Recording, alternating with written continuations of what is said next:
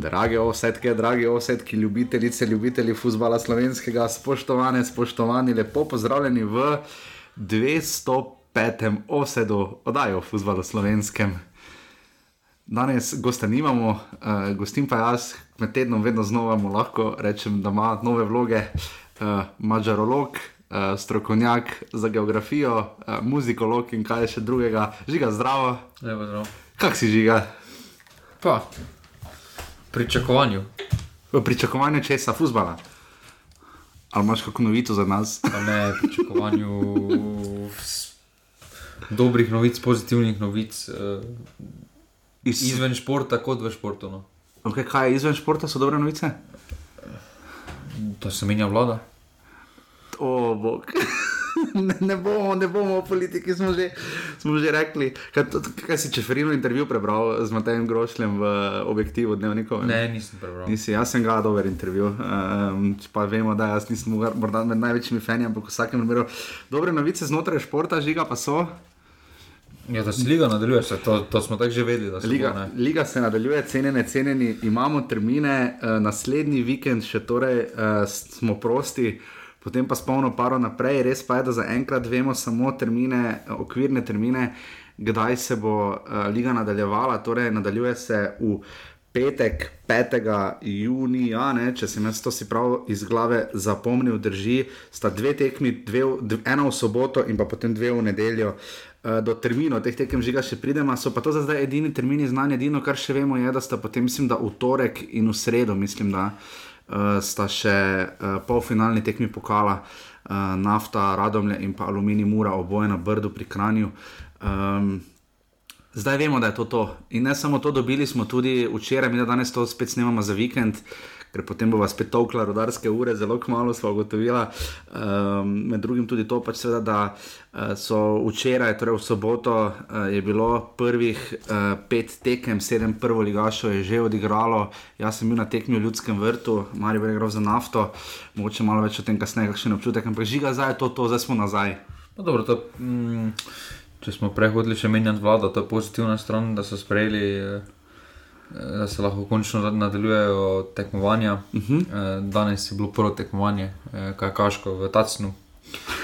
Um, to je zdaj. Zveni me, kot da smo v 202, zakaj kaj si gledal, dok, mislim, je bil prenos. Pogledal sem zdaj poročilo z tekme. A, Iz kajakaške tekme v Tacnu. Ja. O, in kak, kak so, kaj, samo naši, naši so, to je bila domača tekma. naši, samo naši. Okay. Ker Da so je drugače. zadovoljni s, uh, s prikazanim, tako dolgi pauzi, Peter Kauzer še je povedal potem nekaj. To je zanimiv prispevek. No. To zdaj, zdaj ne razumem, zakaj mi hočeš to povedati. Mislim, ker ponavadi vem, da to leti na TV Slovenija, veš, eh, da dajo futbal vedno za kajak in kanune. Uh, dobro, mi pa pred. Mi pa pre... Ja, no, vsaj sledimo trendu. Torej, zdaj smo definitivno nazaj, futbol se bo nadaljeval. Um, In do, tudi kakaška tekmovanja. tudi kaj kaška tekmovanja, zdaj kakšni drugi šport. Jaz vem, da si ti žiga sila jezen, ker odbojke ni več, ne se dobro, tudi košarka se je končala, ne. Uh, v bistvu vsi dvoranski športi, uh, ne vem niti kak, kakšne so navodila za plavanje. Ampak definitivno so pa navodila za nogometaše tudi kar specifična. Ne? Se tudi tu smo zdaj pri nas lahko videli, eh, sploh v ljudskem vrtu so bili res previdni. Um, zelo so se držali protokola. Eh, Mislim, da še sproti dobivajo navodila nogometne zveze Slovenije, kako bodo tekme organizirane. Zdaj, koliko vem, slačilnice se ne uporabljajo. Ne? Ne, slačilnice se ne smejo. Torej, to pomeni, ti priješ z Lendave na tekmo v Maribor. Odšpilaš, se segrevaš, ne vem, pol tri četrt ure, laufaš ko budalo, pol ure si za švican, ko butl, in potem moraš s tem iti na avtobus, na za švican, nazaj v Lendavo. Dobro, se, če jih je 11 takih, uh, ni za razlike, če se ti tuširaš ali ni. ker tak- Tudi če bi se stuširal, bi smrdel, ko bi prišel nazaj v Lindov. Če se 20 ostalih ne bi tuširalo. No, to, to drži, ampak vseeno, ne dobro, zdaj še v Ko moje mokre robčke, znameš, pa smo malo. Ja, no, včeraj še ni bilo tako vroče, samo potem, pa, ko ne bo reflektorjev, pa te zgodne tekme, veš, kako si to za Švicam, po tekmi, kaj si ti nor. Predstavljaj si one, ki se bodo mogli v sredo v Koper voziti. Ja, no, vse o tem ti razlagam, ja. Ja. ne? Razen če bojo tukaj v kakšnem hotelu, če je to možno, to pa ne vem. Ja. Nogometaši Kopra, recimo, pridejo v Maribor. Ja. Eh, Večji hoteli slabo komaj potem odprejo, ne? Zdaj predvsem mali. Ja, nogometaši so skupaj, zdaj v hotelu, ne? Mislim, meni je Sergej Kirovič povedal, da non-stop v hotelu arena, ne? Ja, to ja. Ne vem, pač, ne vem še točno, kakšen bo tu protokol zaradi za temno. Ja, mislim, da če imaš opcijo za hotel kot karanteno, jo lahko, jo lahko uporabiš, ti lahko v ta namen, po mojem, hotel odprejo. Eh, Da bi pa prišel se zdaj sluširati v hotel. Ki smo mi da začela pri tuširanju, ampak ja, pač mislim, jaz praktične stvari zelo vidim. Uh, vem, da so novinarji, kolego pred stopom Ljudski vrt, je malo zamudil na tekmo, samo re, res uh, sjajno sodelovanje. Um, zelo previdno, dobiš še dan, dan prej SMS, recimo, če imaš intervju, pa pač se potem pripraviš, se spomniš vprašanje, ti temperaturo zmerijo. Je pa res, da včasih te naprave niso mogoče najbolj točne, ker recimo 28-2 ni najbolj verjetno, da imaš telesno temperaturo. Mislim, če imaš. Uh, težko, da bi šel na futbol tekmo. V vsakem primeru, uh, jaz pač upam, da za zdaj uh, lahko rečem iz prve roke, da je vsekakor, se veste, da se sam, pa tudi žiga, gleda tekmo živo ali pa po televiziji dan in noč in tudi tu gleda tekmo uh, pri nas po televiziji ali v živo, je razlikano. Zdaj, mi do živo se pri tekmi Maribora, mislim, živo zgleda malo bolj, malo bolj živiš se. No. Tekma, ni bila, ni, tekma je bila relativno slaba. No. Relativno. No, prvi počas ni bil tako slab, jaz mislim, da bo slabše, iskreno. No. Jaz mislim, da bo bolj grozno. No. Ker pritisk so probali, malo so laufali, pa tako ni, ni, ni bilo toliko tehničnih napak, pač akcij ni bilo domiselnih, ampak vse ostalo je pa recimo, da relativno štimo, ni za zgled, da je potem, še gradno. torej, kriterij za ok, tekmo je, če laufaš. Ok, tekmo je, če si sposoben nekaj 15 minut malo teči, pritisk izvajati in da si, si relativno sposoben tri podaje. Torej, eh, praktično podati. v Kar je slovenski dobro. ligi ni slabih tekem. Recimo, nafti je definitivno to boljše, Ker ker tudi tudi rudar rodari. 15 minut teka, pa pritisk izvaja. Ja, ampak dobro, v polnem pogonu, nekje sredi septembra, drugo kot zdaj, ne, ko so bili vsi na dopustih, ne, oziroma pač so doma trenirali. Pač, um, nismo videli, jaz pač nisem, videl, nisem dobil še nobenih videoposnetkov drugih tekem, uh, ki so se odigrali. Zanimiva tekma je bila v Ljubljani, Olimpija, Alumini, ne, Olimpija seveda zmagala s penalom, in Reče Kiči, mislim, da je zabil. Um, In so vsi, tre, oba trenerja, in Safet Hadžič in Slobodan Gruber, se seveda bila vesela, da ni bilo poškodb in tako naprej.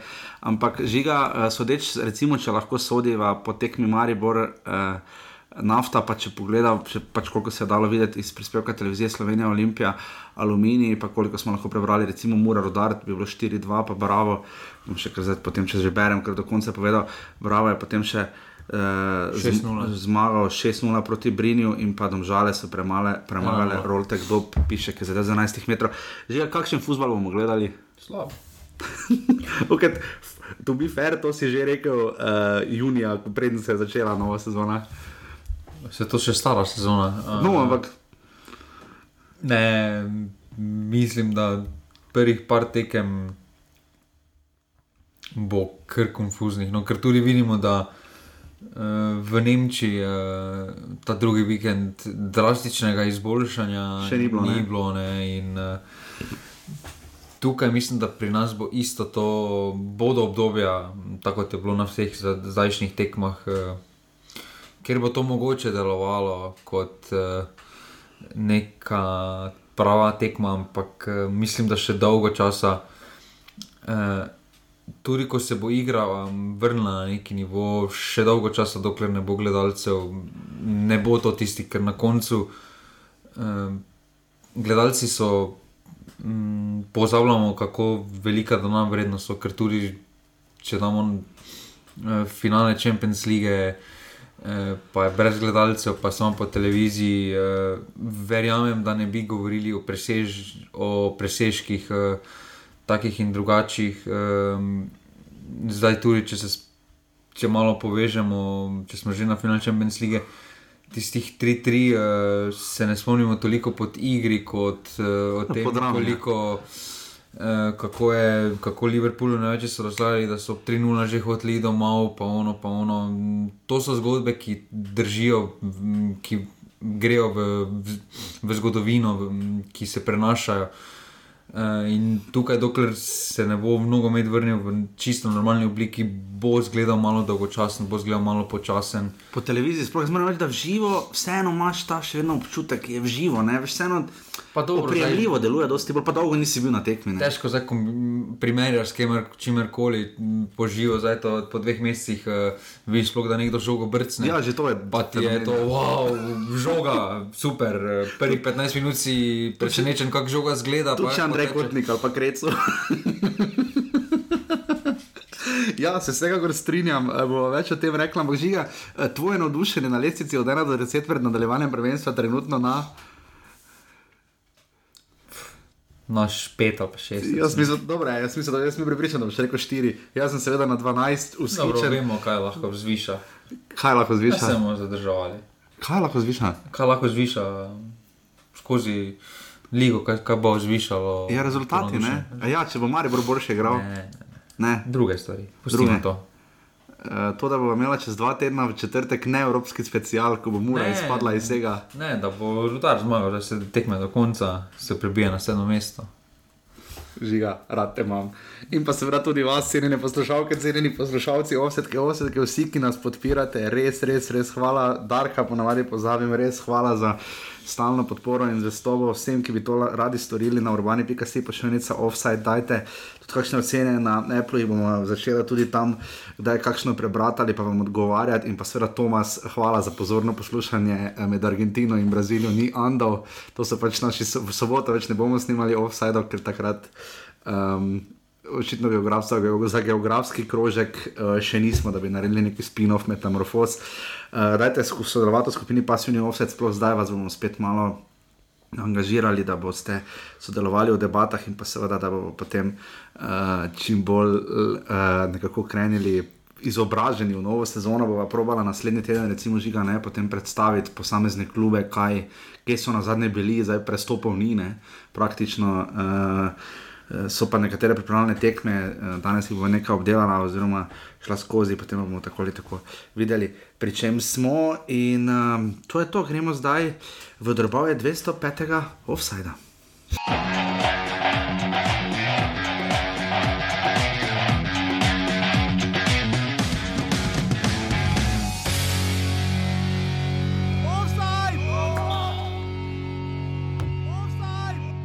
Naše televizije, dame in gospodje, so postregle z žiga novim terminom. Jaz mislim, da še nismo imeli.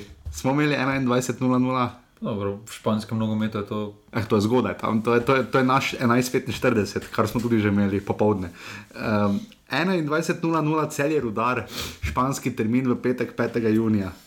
Pa, mm, mislim, da. Meni se to zdi grozno. No. Ne, mislim, da zdaj v trenutni situaciji uh, je pa meni logično, da si televizija izbere tiste termine, ki jim najbolj odgovarja, katerih terminih mislijo, da bo največja gledanost, Okej, to kdaj je lahko fair. komu konkurira, ker zdaj praktično. Če smo prej govorili, nogomet se igra za gledalce, uh, zdaj v tem primeru ni tako. Mislim, da petek ob devetih uh, neke resne konkurence ne bo imel, ker vseeno pa treba biti pozoren, da se potrebno, hočejo se televizije izogniti tistim uh, sobotnim uh, od 3 do 6, recimo, ko se bo začela dogajati Anglija, Nemčija Okay. in nočejo neposredno konkurirati tem terminom, ampak hočejo konkurirati konkurenčnim hišam. Čeprav se več v preteklosti je kakšen TV insider, bolj off the record, kot on the record, nam že znal povedati, da ima slovenska liga boljšo gledanost kot recimo Premier Liga, Pa Bundesliga, La dobro, Liga, razen, razen če gre za derbije. tekme. Ja, recimo Maribor, Dobro, rudar, bravo, to ne, močno ampak dvomim. Maribor domžale, pa Liverpool, Arsenal, pa ti garantiram, da ima Maribor domžale večjo gledanost. Pa ja, samo to, to zdaj spet uh, en klub, kot takih, ko ima navijaško bazo. Dobro, ok. To je ampak logično. Domžale mura. Domžala mura. Domžala, Mejno. če bo, ko bo tekma domžale tri glav bolj gledana kot ena tekma Premier League, bomo lahko rekli, da smo na nekem nivoju. Ok. Zdaj to, da se gleda. Uh, Zdaj se, jaz se bojim, da cel kup TV je fat, zdaj ker jih kar vidim. Uh, TC, RG, bom kar z inicialkami, uh, AB, se zdaj že, že vsi si mislijo, jo, že ga spet govori na pamet. Ampak daj, gledaj, jaz sem tudi Ne. Ande med Brazilijo in Argentino. Ne, ker uh, zdaj bomo mi, radi mi vržemo številke takrat naprej, ko je prvenstvo v odločujoči fazi, ko so tekme res egal, uh Mhm. -huh. ko je res dobra tekma. Uh, dajmo te številke pogledati novembra, okay, dajmo te številke pogledati prvi teden decembra. okay. Takrat, takrat dajmo pogledati te številke, kaj pomenijo te številke primerjavi z drugimi. Takrat, ko je v maju ali pa v marcu, ko dejansko Pa derbi pa ne. tekma ja. Maribor, Mura ali pa Maribor domžale štejejo za nekaj, ko dejansko se igra za nekaj, takrat je logično, da glede na ure, glede na to, kakšna konkurenca je, da boš pač pogledal že za to, da te gleda. Potem pa eh, pri teh podatkih gledanosti pa še jaz pogrešam, tako kot je recimo na YouTubu, koliko časa od tega je nekdo gledal. Ja, Ker tu samo- ima samo da eni preklop, pa pogleda. Vse tudi to ima, to vodijo, vodijo evidence televizije, Ja, samo pa- pač recimo redko kdaj sporoča, vsaj tiste, ki. RTV boš dobil ta podatek, če ga boš želel na planetu, pač ne, ne. Pač ena javna televizija, druga je komercialna. Termini so takšni, aluminij, mura v petek ob 19. uri, to je v redu termin. Mislim, meni jaz bi kvečemu obrnil, jaz bi mogoče celo dal aluminij mura ob 9, če bi bila opcija, ampak Pa verjetno v Kidričevem to ni najbolj izvedljivo. z no. tega vidika pa je celo malo bolj zanimivo za televizijo, no? ker vseeno je više, ja. eh, malo bolj atraktivno nogomet igrajo. Je pa aluminij muri, mora derbi tega kroga, ne? po svoje lahko, ne? ker v bistvu v- tu je največ v igri, neposredno. No? Neposredno, ne? ker če aluminij premaga mura, je mura praktično Ja, končala. ni to zdaj spet prehitro. to je No, face bi opahnili 33 nazaj. No? točke še v igri. No, ne. ja, ampak odlepo bi se aluminij precej od mure. Ne? Aluminij bi, če premaga muro, aluminij je trenutno seveda pri t- 45 točkah, mura pa pri 38, ne? da z 10 točk bi se aluminij odlepil od mure. Ne? Mes bi še samo bil potem Maribor za muro. Ne? Ja, dobro, še To je vedno ogromno. med sebojno, pa deset tekem. Ni, se sliši ogromno, ni pa tako, no vemo, Ne, da ogro, ogromno je 16 točk, ki jih mora rodaro jedeti, domžal. okay, ob devetih smo že rekli, potem tekma um, uh, aluminija, no kam je zdaj to šlo, cel je rodar. V soboto, uh, 6. junija, tabor Sežana, Olimpija, Češnice ob 18. uri, žiga v redu termin. pa meni so redu vsi termin. termini. Čeprav soboto ob 8. je bilo kar kul. Cool. Um, težko. A ja, ne moreš, nima reflektorja. Zdaj sem še le videl. Sveda, že to pa je malo pozno. Če dež, pa slabo vreme, zna biti kar tema. Se pa ne vdeža. Ok, v redu. In pa potem še dve tekmi v nedeljo, tudi Bravo bo igral ob 18. uri, tudi oni seveda nimajo reflektorjev proti Triglavu in pa potem domžale Maribor 20-30. Meni se zdi škoda, da ni tekmo ob 8. Pa ne, meni um, Ker 38 je tak za gledalca, je beden termin. mislim, da ni. Kaj pa te delaš v nedeljo ob 38, Marija, gledaš ponovitev. Ne, Tiste v soboto. Marija v soboto. Ja, Joker, če misliš. Pa Joker je v soboto. Ja. Oni stari Marija, jaz mislim. Tistega ne vem, da še na televiziji Marija. Ja, ima Joker, ki smo ob sobu, ful se derajo na to. Torej, brižinski spomenik televizije, Marijo Garunič.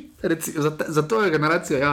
Ampak v vsakem primeru pač studio, bi imel TV Slovenija, ne mislim, da za to ne. Pa, eh, Rešujemo Branka Zupana. Še ena logika za temi termini je vsekakor, um, da se nepotrebno zdaj izpostavlja s temi termini ob treh, ob štirih. Uh, ne veš, kako bo stanje uh -huh. s temperaturo, z vročino, uh, zakaj bi dodatno še izpostavljal, bi dvigal dejavnike poškodb, uh, Okay. mogoče na račun utrujenosti.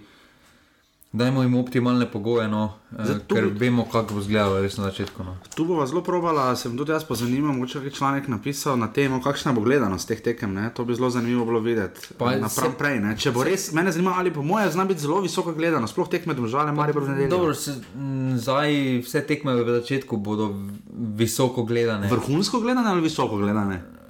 Po mojem bo tako, kot si rekel, bo nagledan, primerjava gledano z tujino, ampak se pravi, ne smemo pozabiti, ko potem to skupaj vse prešlo v juli, takrat dajmo te številke Ok. okay. pogledati, kakšne so gledanosti. Naj jo je strah, zdaj zaenkrat vemo samo, da je potem tako tisti naslednji teden, torej drugi teden junija, so potem, sta potem obe pokalni tekmi.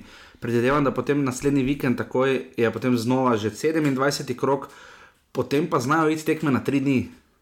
Pa dobro, vse to smo se zavedali, da bojo eh, na tri dni. Eh, mislim, da pametno je, da na začetku vsaj prva dva tedna odigraš na en teden, potem pa začneš malo stopnjevati, ker že prideš, eh, če pogledamo po teh dveh tednih, bodo dejansko nogometne ekipe kot ekipe trenirale nekje en mesec, give it or take. eh, Pa en mesec, pa pol, recimo s tistimi individualnimi treningi. Uh -huh. Mislim, da to že neko obdobje, to je tudi ta nemški scenarij, ker imajo, zdaj so imeli dva tedna, pa so imeli samo na vikend tekmo, zdaj pride že med tednom. Uh, mislim, da se ti sta dva tedna, da prideš v neki ritem, ker po neki prvi, uh, res prvi tekmi, ki bo štela za točke, verjamem, da bo zelo dolg oni teden v smislu regeneracije za nekatere novotaše. Ja, no. to bo zelo zanimivo videti. Zdaj, koliko sem se pogovarjal z mislim, tem Štrafelo iz Radia Slovenija, je ena od teorij, da bi se prvenstvo končalo, mislim, šele 24. julija. Ne? Pa dobro, to je. mm, Jaz to- nimamo še datuma, kdaj se bo prvenstvo končalo. Ne? V vsakem primeru do avgusta. Jaz to smatram kot odlično z tega vidika, da bo potem se malo kasneje začelo tisto drugo prvenstvo Samo kaj pa temperature žiga, to zna biti v grozno. avgustu. V, v, v juliju. Dobro, v večerni termini ob 9. Zdaj, zdaj smo Ja, navadili. tabor bravo, nijate reflektorja. Ja, potem pa žal, nasvidenje. ne moreš ven izlike. Ja, to mora biti pogoj, to vemo, da kaj, kakšni so pogoji. Ja, zdaj to vidimo, Eno leto, pomembno, ja. ni, drugo leto pa vemo, da moraš pač imeti to okej. zdaj, ni več, smo Za vseeno v 21. stoletju.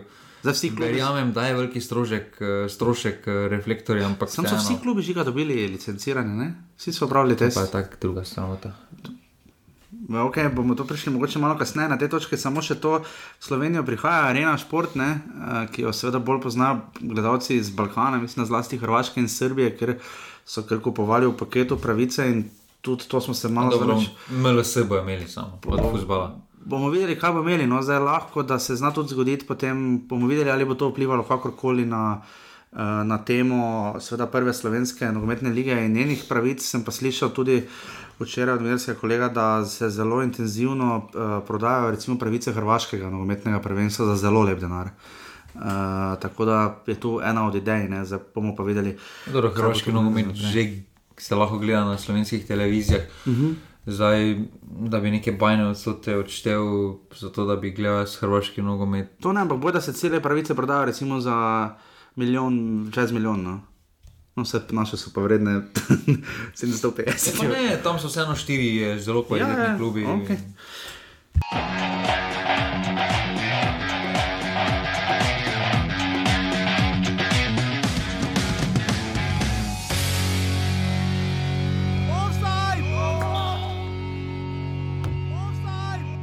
Nadaljujeva v današnjem tehničnem offsajdu, pridemo seveda tudi do zgodb, seveda tudi do Marka Elznerja, seveda ga ne bomo pozabili, boh ne da če segment bomo posvetili na koncu. Uh, žiga, uh, dve informaciji imamo. Prva je prišla včeraj, predvčerajšnjim iz Kranja, ta je kar bizarna, ampak ni toliko, ko se seveda razume, zakaj pač gre. Uh, dvakratni handicap, a tri gre odločno naprej, je bil naslov, podnaslov, pa Orli do konca sezone ne bodo igrali na krajskem stadionu.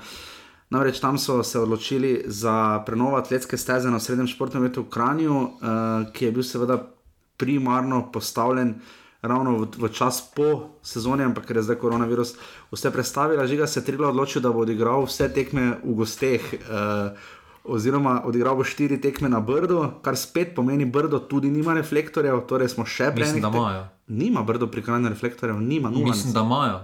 Ja, razen če imajo mobilne, ne smejo imeti reflektorjev, kolikor vem, ne. Reflektore mislim, da lahko imajo, oni pa so takrat razlagali, da bi imeli mobilne, ki bi se gor ali Če jih nekaj. bojo lahko imeli, ampak za zdaj na Brdo reflektorjev, kolikor jaz vem, ni. Te pa jih ni, te pa te. Zaradi pač ptičev, kot nam je bilo tudi razloženo. Ampak kolikor vem, tam reflektorjev ni, če se motim, nas bo Matjaš Krajnik, mislim, držimo pesti, da bodo, ampak če ne bodo, zna biti spet problem zaradi vročine. Uh, dve tekmi pa bodo odigrali pri tekmecih. Torej, uh, eno bodo v Ljudskem vrtu, kjer je Triglav letos obakrat zmagal, in pa v Stožicah. To je malo zanimivo, da so se za to odločili, žiga. Pa ne, stroški eh, so pač manjši, uh, najverjetneje tudi nogometna zveza, vsaj neki delež bo hotela pobrati. Uh, um, tukaj je pač Maribor pa Olimpija sta vlač položaj, kaj jim to trenutno najbolj tudi odgovarja, da igrajo doma. Pa tu jim ni težko gostiti dveh tekem, uh, prevzeti stroške organizacije. tako da Kaj pa regularnost? Je fair to? Mislim, da najbolj pošteno ni, no, da bi morali potem Pri vseh merilu igrati, pri vseh igrati, ampak eh, nekaj veliko se za tri glav se praktično nič ne bo spremenilo, oziroma so praktično na boljšem, ker po mojem bolj poznaš Stožice oziroma Ljudski vrt kot pa Brdo. Uh, Medtem ko pa Maribor pa Olimpija pa sta napram drugim v mali prednosti, ker vseeno, uh, če bi prišel na Brdo igrati uh, nimaš dobenih izkušenj s tem igriščem, uh, medtem ko pa bo ta Maribor pa Olimpija igrala doma. No. Zdaj, slik, eh, naslednja novica, slika recimo iz Murske sobote, kaže, da so začeli stole menjavati na Fazeneriji. Vse na sliki se tako vidi, za, na kaj je to južnem golu. Dobro, mislim, da tam najbolj potrebno menjava najprej trava, potem pa gremo na sedeže. Kako kak se zadržuješ, nisi mi še stolpo omenil. Pa, če so se odločili za to infrastrukturo, eh, zdaj po tretjih več, malo nelogično, če bi šli podirati. Eh, jaz bi ta njihov problem na drugačen način rešil. Eh, vsakemu svoje, če so pač klubu ocenili, da je to pravilno, eh, oziroma najbolj smiselno odločitev, potem stojijo za tem, morajo stati praktično za tem. Eh, vemo pa, da v vsaki stvari. Eh, vsak vidi vsako situacijo drugače. In tukaj zdaj, eh, pozitivno je samo, da se pač kakorkoli, eh, kljub temu, da so samo sedeži, da se menjavajo, vsaj sedeži, da se vsaj nekaj izboljšuje na infrastrukturi. Uh, mislim, da tudi počasi uh, drugi stadioni bodo morali priti na vrsto. In tukaj mislim, da uh, če radi govorimo, kako pa tudi jaz to rad povdarjam, da slovenska liga premalo dobi od TV pravic. Mislim, da bi se morali, to je vseeno, gre z roko v roki. Če hočeš več TV pravic, moraš imeti boljšo urejeno infrastrukturo. Vemo, da trenutno pri vseh niti ne moreš v večernih terminih igrati. Mm -hmm. Vprašanje je, kako je potem, če tekmo malo večjega tipa, kje so televizijski stolpi, kje bo kamera, kje bo TV komentator, kje bojo potem ostali novinari to mislim, da se potem mora vzajemno tudi izboljšati. In uh, dokler ne bo na vseh stadionih vsaj približno enaki pogoji za neke kvalitetne kadre, od, do, do takrat Slovenija ne bo morala sanjati o nekih bajnih zaslužkih iz tega, ker vemo, da je vse kar pozna na kvaliteti.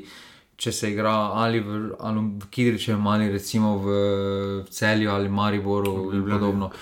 Ja, definitivno. Žiga, in potem še seveda tretja informacija tukaj iz našega Maribora, naposled končno. Uh, Prenova ljudskega vrta se začne torej zdaj v tem tednu, uh, prenova seveda zahodne tribune uh, iz leta, mislim, 1962 ali 1961, če se spomnim. Uh, prav iz glave podjetja Primorsko, podjetje Makro5 bo gradilo dobrih 6 milijonov evrov vredna dela.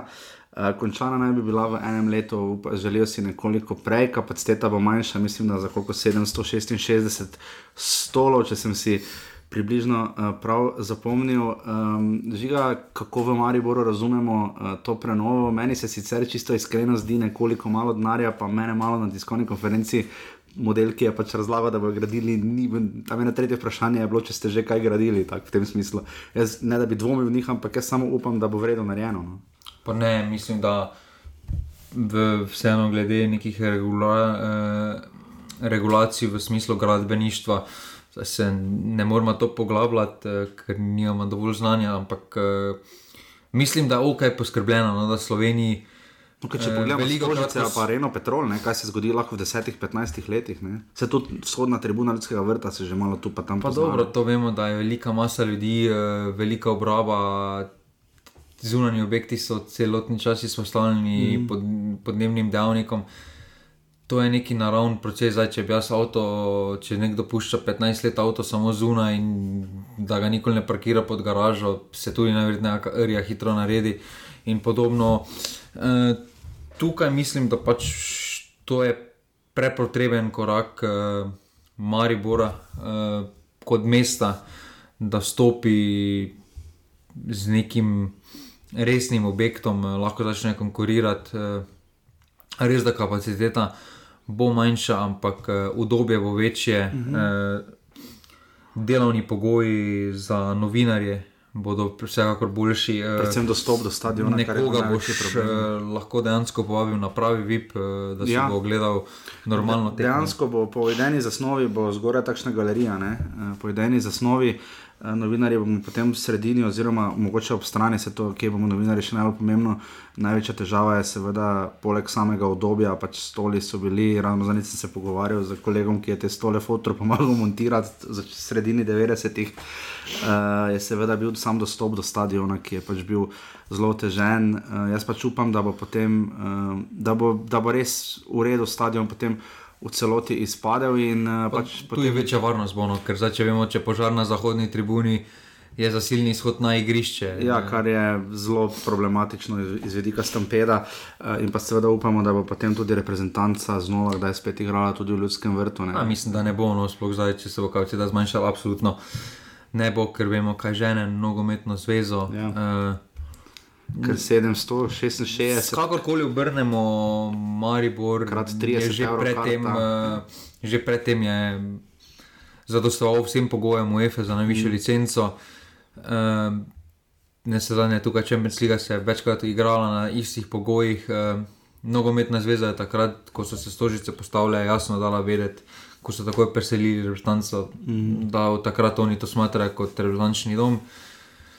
E, tako ne mislim, da Maribor bo obsojen tako kot um, en koper na kakšno prijateljsko tekmo tu pa tam. Mm. Da, ali pa kakšne mlajše reprezentance vidimo, da mlajše reprezentance pa vseeno kar redno gostujejo v Mariboru. V Mariboru in tudi seveda čaka nas Evropsko prvenstvo. V 21, ne, skupaj z mačarsko otvoritveno tekmo spomladi prihodnje leto po okvirnem scenariju.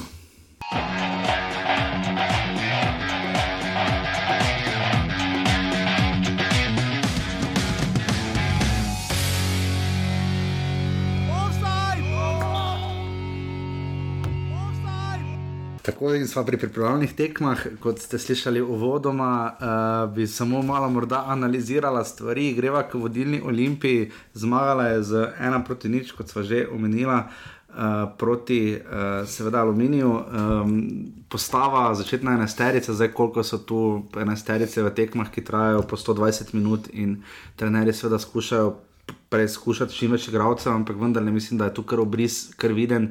Vidmar, Boači, Samarđič, Kami, Jurčevič, Tomič, Kneževič, Menalo, Bezjak, Savič in Vukošič je prva postava, kar mislim, da ni daleč od tega, kar bi bila prva postava, če bi šlo za resne. Pa dobro, Olimpija. Za neke pretirane rotacije, že med prvenstvom, ni delala, ko so bili tako malem ritmu. Uh, tukaj tudi malo časa je in uh, neki obrisi se morajo takoj pokazati, ker se eno tri tekme in potem že praktično igraš za točke. Nekaj velikega er, ek, eksperimentiranja ne more biti, uh, sploh če neka kontinuiteta dela, da je trener enak kot je Safet. Uh, drugačna je vsekakor situacija, če se menja trener, ampak pri Olimpiji.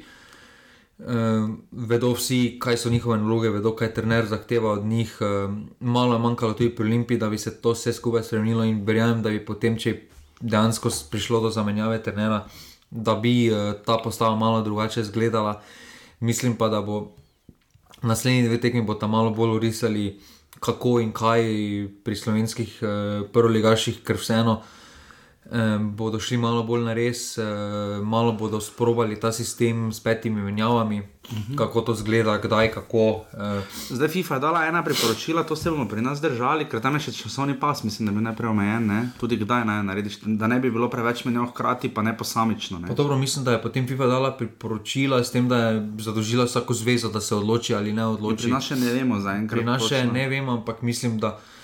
Uh, tri menjave, se strinjam, da imaš neomejeno, kdaj, uh, dve menjavi, pa vsaj do začetka drugega polčasa, drugega polčasa ali med. Ali med Mislim, med uh, polčasom. Med ja. polčasom ali za kakšno poškodbo. Nevarno bi za zavlačevanje bi bilo, ne, to je tisto. Ker potem. potem pet menjav v zadnjih 80 minutah. Recimo, v zadnjih 15 minutah je kar grdo. Ja. E, to vemo, kako bi se lahko. Balkansko, to je prvo, kar smo vsi pomislili, kako bi jih štepo lepo enega, pa po enega notne, ta je kar grda.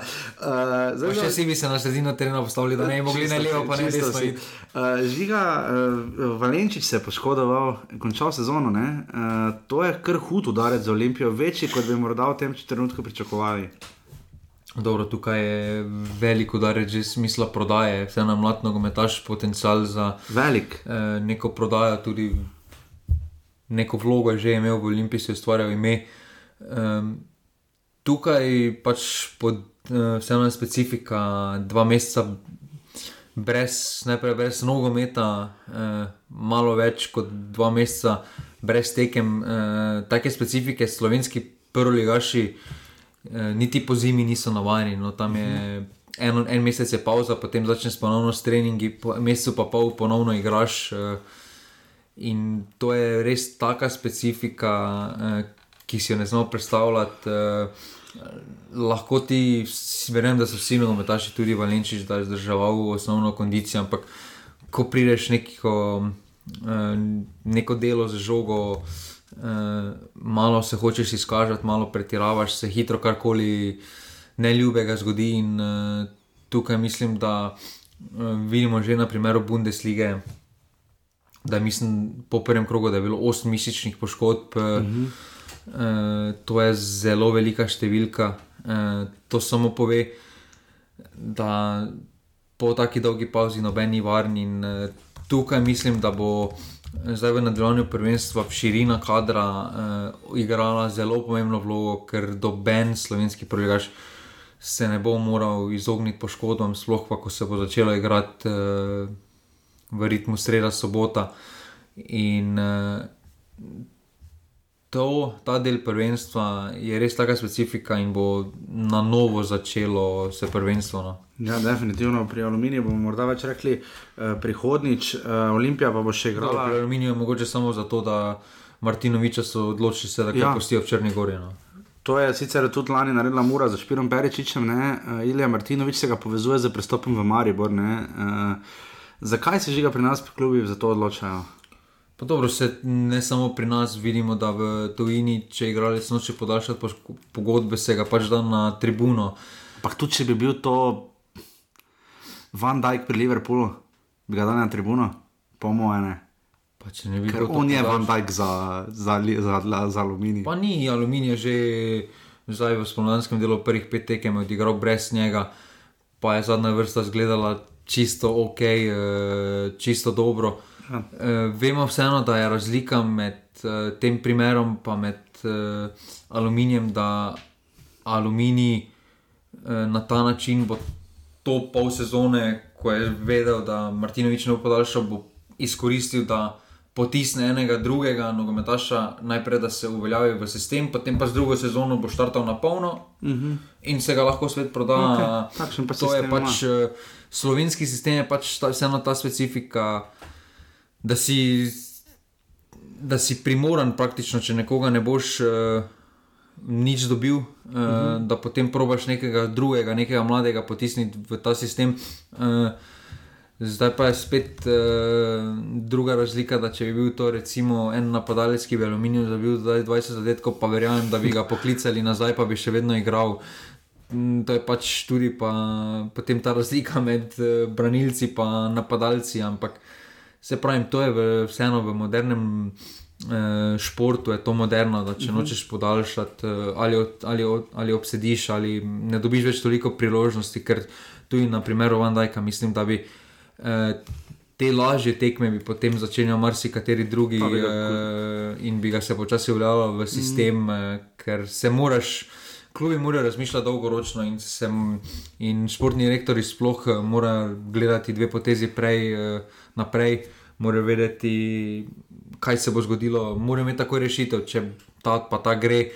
In aluminij ima to točkovno eh, bero točk, ki mu to mm. omogoča, da lahko sistem mm. igra.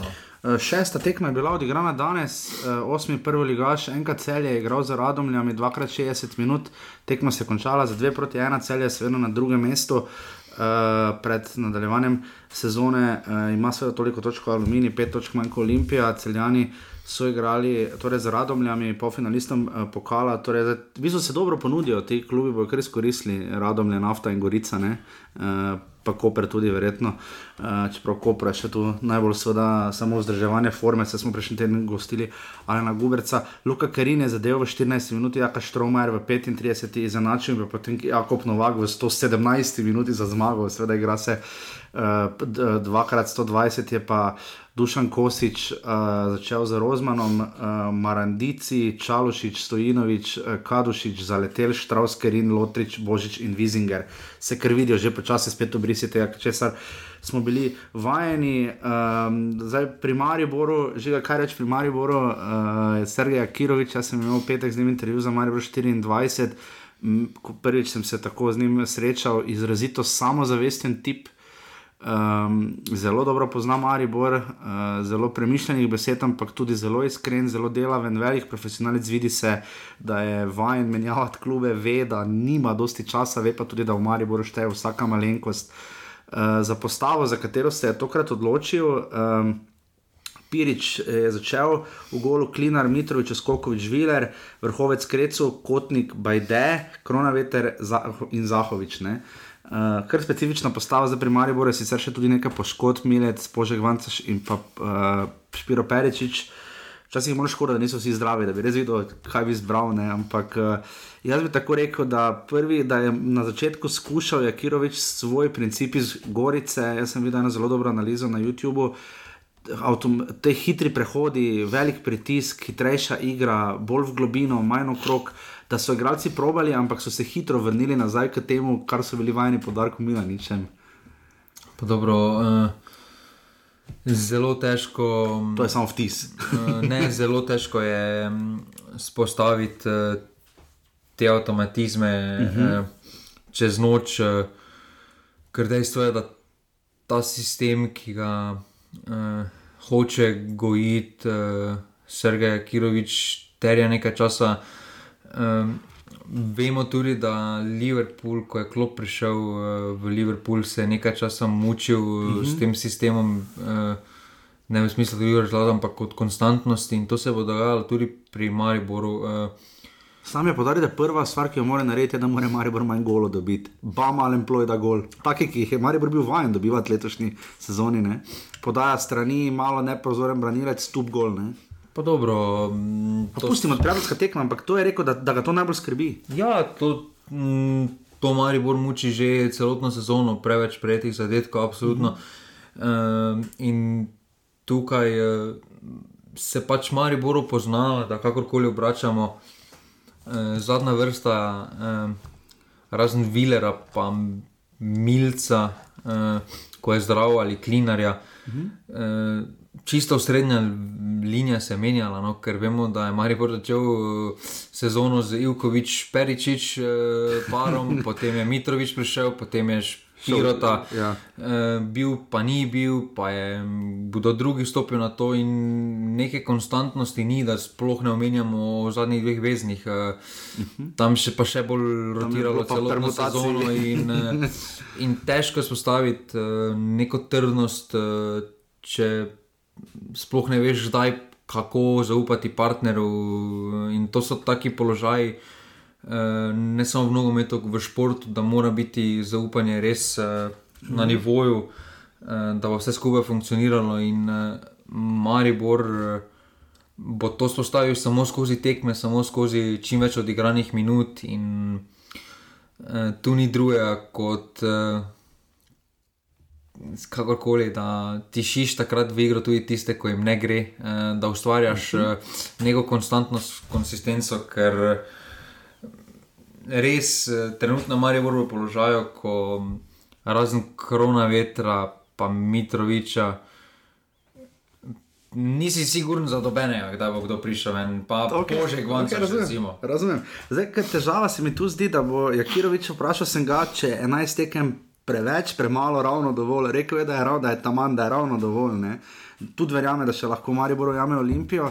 Ampak zdi se mi, včeraj, ko sem to gledal, bomo zdaj videli proti Kopru v sredo in potem na generalki v soboto proti Bravo. Ne, rekel je, da bo celje, da bo Koper generalka. Da, a, Koper generalka, rekel je tudi, da bo zdaj 15. kometašev dal samo in kar je pa svoje dobro, da lahko potem znova spremeni, um, da lahko potem še popravi kaj na tekmi z Bravom, uh, ker se mi zdi, da bo zelo hitro moral najti ravnovesje, kako iz teh igralcev spraviti ven tisto, za malo me na to, kar je bil Bajde pripeljan pod Jurčičem, ne, potem pa pač kaj bo s takim igralcem, če pa ni za neki drugi sistem. Tu, tu pa velja to za celo plejado igralcev, ne, ker se mi zdi, da hoče igrati drugačen nogomet. Mislim, da bo zelo moral krmiliti med tem, kar ima na voljo, in med tem, med, na eni strani pričakovani, na drugi, in pa lastnimi željami na tretji strani. Kaj bo tu ključno? Pa mislim, da um, se, smo preveč leti v kratki zgodovini. Uh, ne smemo pozabiti, da ta, ta isti kader je z eno spremembo, to, da je bil napaden mlakar uh, pomlad in jesen igral. Uh, takšen sistem, ki ga zdaj Kirovič hoče, hmm. visok pritisk, hitro odzeta žoga. Uh, če se spomnimo tistega derbija 3 proti nič, vemo, kako je Maribor visoko takoj pritisnil, mm -hmm. si ustvarjal priložnosti. Maribor je to že igral, mm -hmm. ti igralci imajo kvaliteto, imajo um, dovolj uh, znanja, uh, da se prilagodijo, to so že pokazali. Kljub temu uh, so že igrali podoben stil nogometa, večina, oziroma ne večina, kar nekaj nogometašov pod Jurčičem. Uh, Mitrovič je podobno igral pod Pušnike, mm -hmm. pod Pušnikom, Klinar je podobno igral pod Pušnikom eh, v Olimpiji. E, ostali pa, Rudi Požek, manjša še celjo to ja, igral. E, vsi so že dali skozi ta sistem, e, vedo zakaj je, zdaj samo da se skupaj najdejo na igrišču, e, to pa terjalo čas. E, mm -hmm.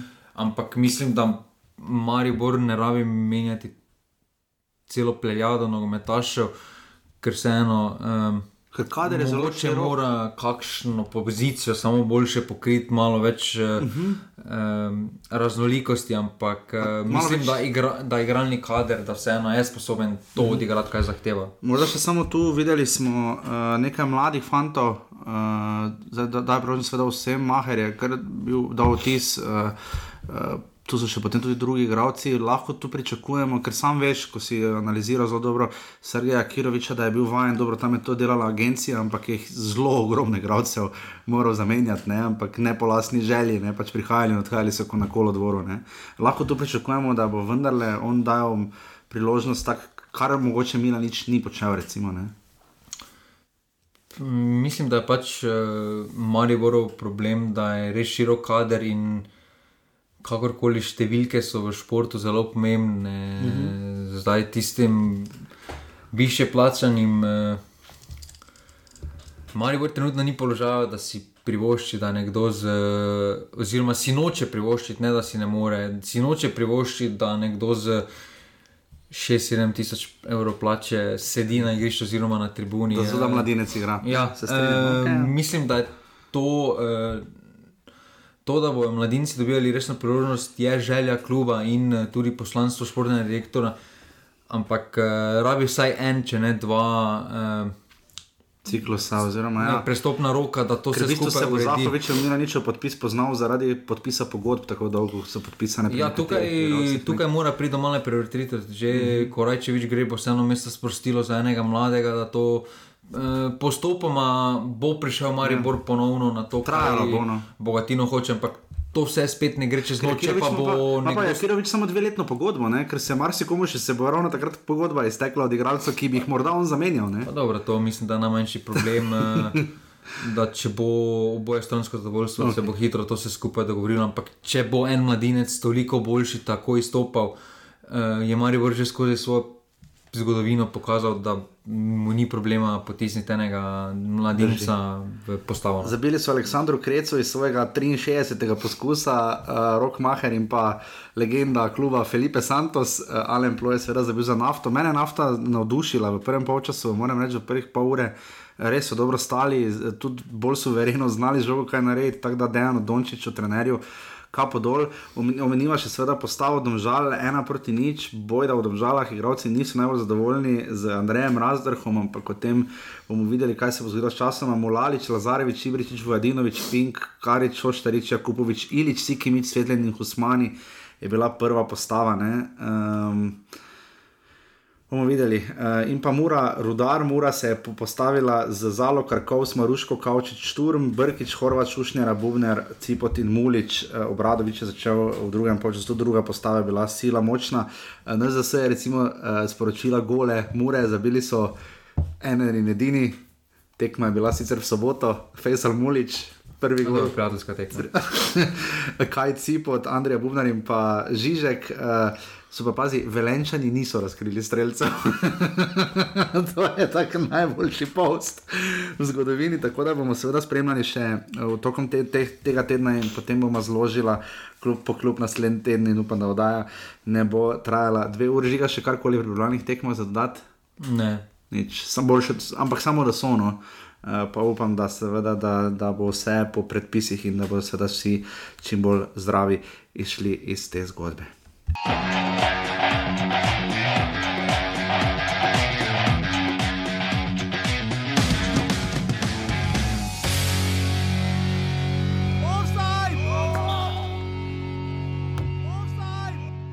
Pustila sva za konec uh, z razlogom, um, da smo pa začeli bolj uh, upbeat, morda danes, uh, končava pa seveda z novico, da je v 61. starosti, starosti umrl Marko Elzner, brško ena od legend kluba, velikan slovenskega nogometa. Uh, v 80 letih je seveda veljal za enega najboljših vrnilcev Jugoslavije. Anekdota vlade Kreslina, kako je sedel na Marakani in so se tam drli. Uh, se je nekdo drl iz Marakane na Elznerja, mislim, takrat je bilo za zvezdo in so se drli na njega, kako ne zna in to, in so se potem nazaj zadrli, pusti našega slovenca pri miru. Mislim, da Zlatko Zahovič za Marka Elznera rekel, da je odšel kot smočar v Beograd in se vrnil kot kralj. Um, je pa tudi res, da recimo mi dva smo generacija takšna, da o Marku Elzneru veliko ne veva, žiga ne. Ja, to je.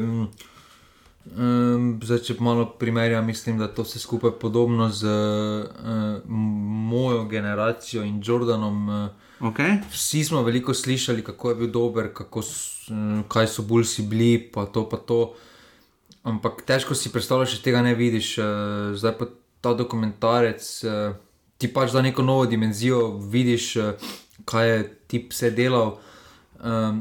Zdaj pri Ilzneru pa ostanejo samo tisti zapisi, kaj se skupaj je pomenil, kaj je dal jugoslovanskemu in uh, slovenskemu nogometu. Ker tu pogrešamo to, ne? zdaj pri Jordanu ste vsi tisti, da se Jordan še sedaj živi in zdrav, ampak ste lahko videli, da dobro, se tudi takrat je bila cela sezona, pa retuširanje posnetkov, pa super duper kamere.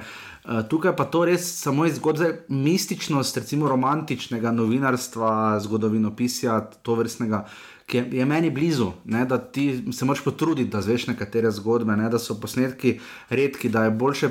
Recimo, Borut Mehle je imel sjajen tekst v dnevnikovem objektivu, uh, prav o Marku Elznerju, ne, kako recimo je na tisti tekmi, mislim, da za, Angliji, za Anglijo prijateljsko, mislim, da je prijateljska.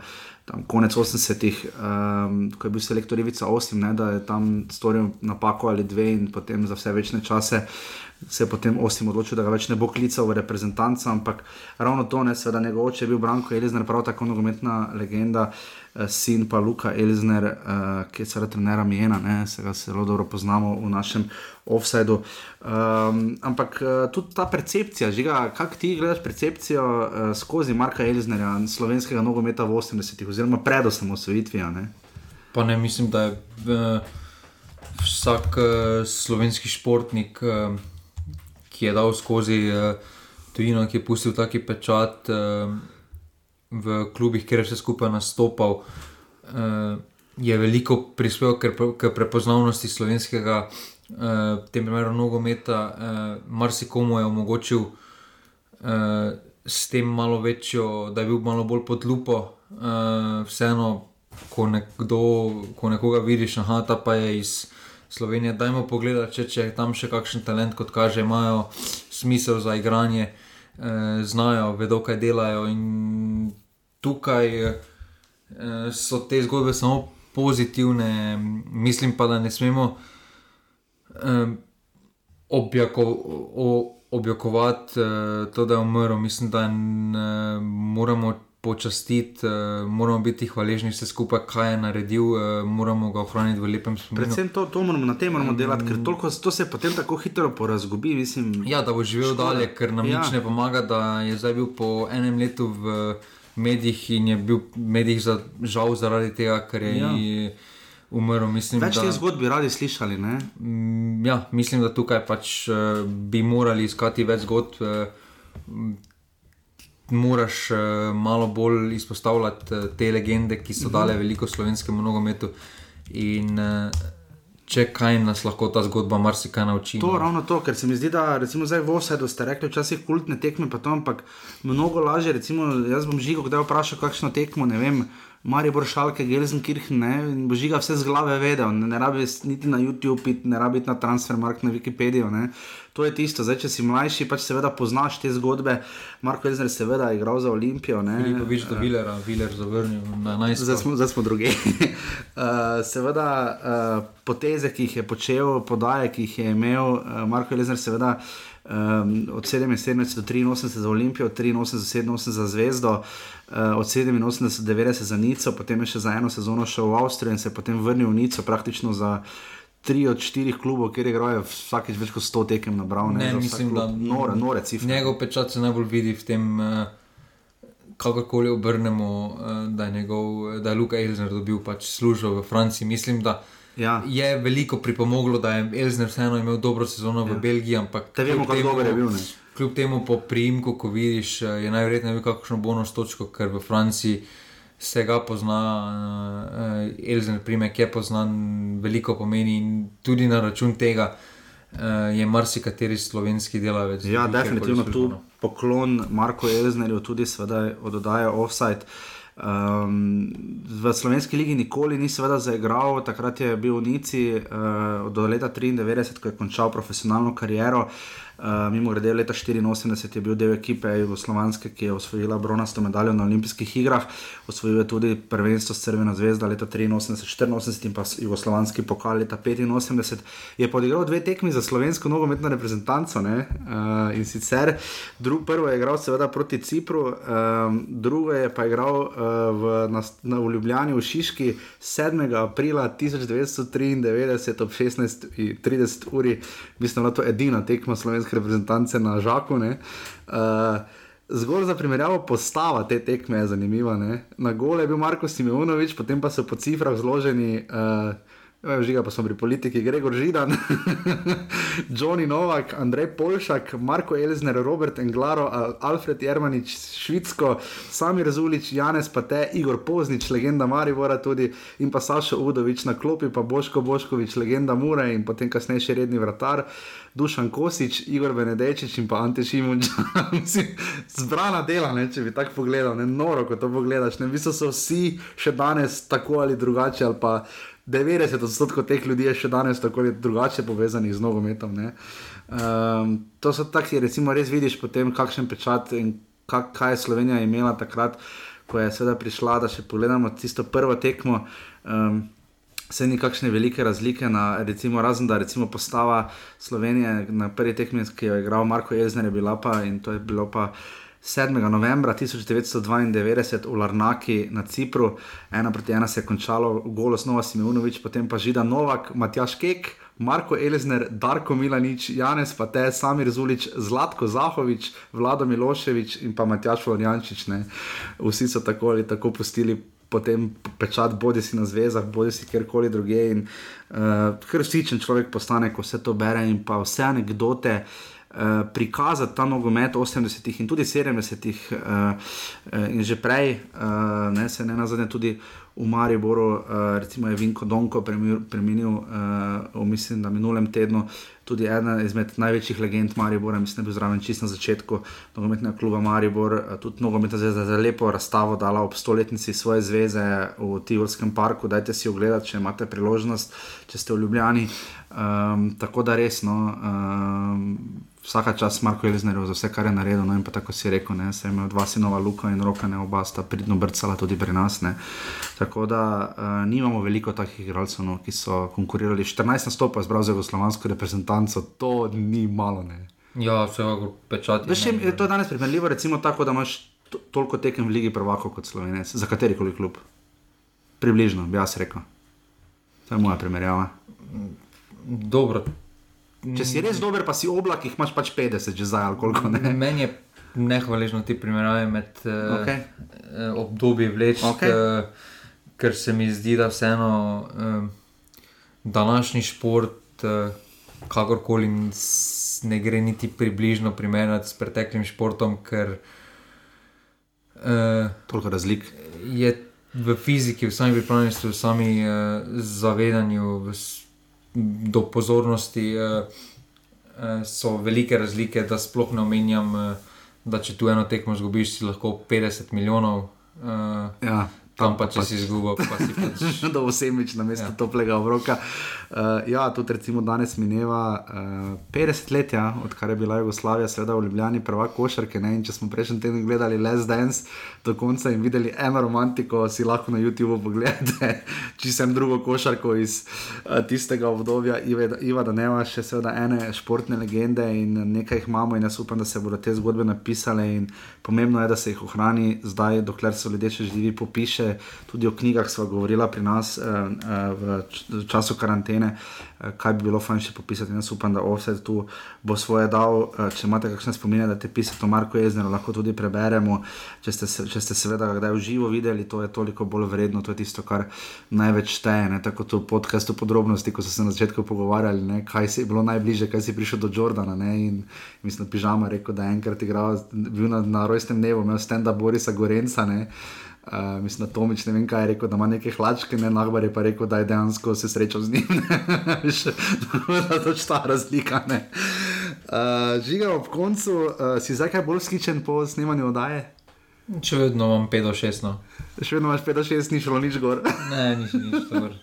Ampak samo, da se nogomet vrne, da, uh, da bomo seveda spet vsi uh, vzhičeni ob tem, kaj se bo dogajalo. Škoda, samo res da za na nuni večje borbe. Ne. Meni je to tako žal. Meni je res to žiga žal, jaz vem, da je tebi to hudo. Ampak glej, Edino pozitivno je, da je nogometna zveza prišla eh, k pameti in je zavrnila predlog Lige 12. to je za uradno. Ja. Okay. Uh, domžale Gorica, če bi pa vlazel v tem trenutku tekma, to bi bila svinsko napeta, dva, dva, dva, dva dvoboja. Če bi bilo v tem trenutku, mislim, da bi bil to tako nekvaliteten nogomet, da res tukaj pa potem nič ne moreš napovedati. No. Ja, to bi bilo res uh, na glavo obrjeno. Seveda, hvala vsem, ki nas podpirate, norbani.si pošiljnica, offset, res, res, res hvala. Hvala vsem za vse predloge, ideje, želje, pripombe. Dajte nam napisati kjerkoli in pa sodelovati v skupini Passion Offside. Um, Žiga še karkoli nujnega, smo vse povedali, bolj ali manj. Če se znajdete v offsetu, Si Faisal Mulič, ker si zgrešil, ker je dan moraš zadeti gol. To je definitivno res, Faisal ponovim zabija tudi ob sobotah, ampak samo na prijateljskih tekmah. Ne pozabimo, Aluminij Mura je dvoboj, ki je zdaj najbolj v spredju, takoj ko se vrne uh, uh, nogomet k nam, najprej v petek, 5. junija, igrata um, v Kidričevem, potem pa na, takoj med tednom, zdaj pa ne malo torek ali v sredo, še edino tekmo polfinala pokala na Brdu. Uf, dvoboj dvobojev. Ja. Ja, zelo, za koga navija offside. Pa za slovenski nogomet. za slovenski nogomet. Točno to žiga, to je pravilen odgovor. Hvala in se slišimo naslednji teden. Nadijo. Hvala, Dio. Jer ja, jer